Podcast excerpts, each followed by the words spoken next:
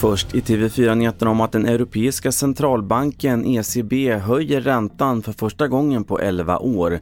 Den viktiga insättningsräntan höjs med 50 punkter till 0% och även styrräntan höjs med 50 punkter till en halv procent. Höjningarna är större än väntat.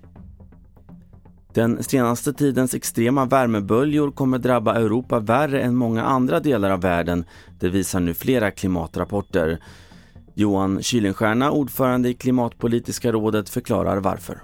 Klimatförändringarna påverkar de här jetströmmarna som är alltså den atmosfäriska cirkulation vi har på jorden som styr väder och klimat och framförallt över Europa. Man får ett så kallat delad jetström och det här kan leda till just ökade och kraftigare värmeböljor. Och sist om att värmeböljan även lett till inställda konserter och stängda museer runt om i Europa. Igår ställde rockgruppen Pearl Jam in sin konsert i Wien efter att sångaren Eddie Vedders hals tagit skada av hetta och brandrök under konserten i Paris. Den amerikanska artisten Andrew Bird skulle ha spelat i London i tisdags men ställde in och dagen innan tvingades flera av stadens museer att stänga. Fler nyheter på tv4.se. Jag heter Carl-Oskar Alsen.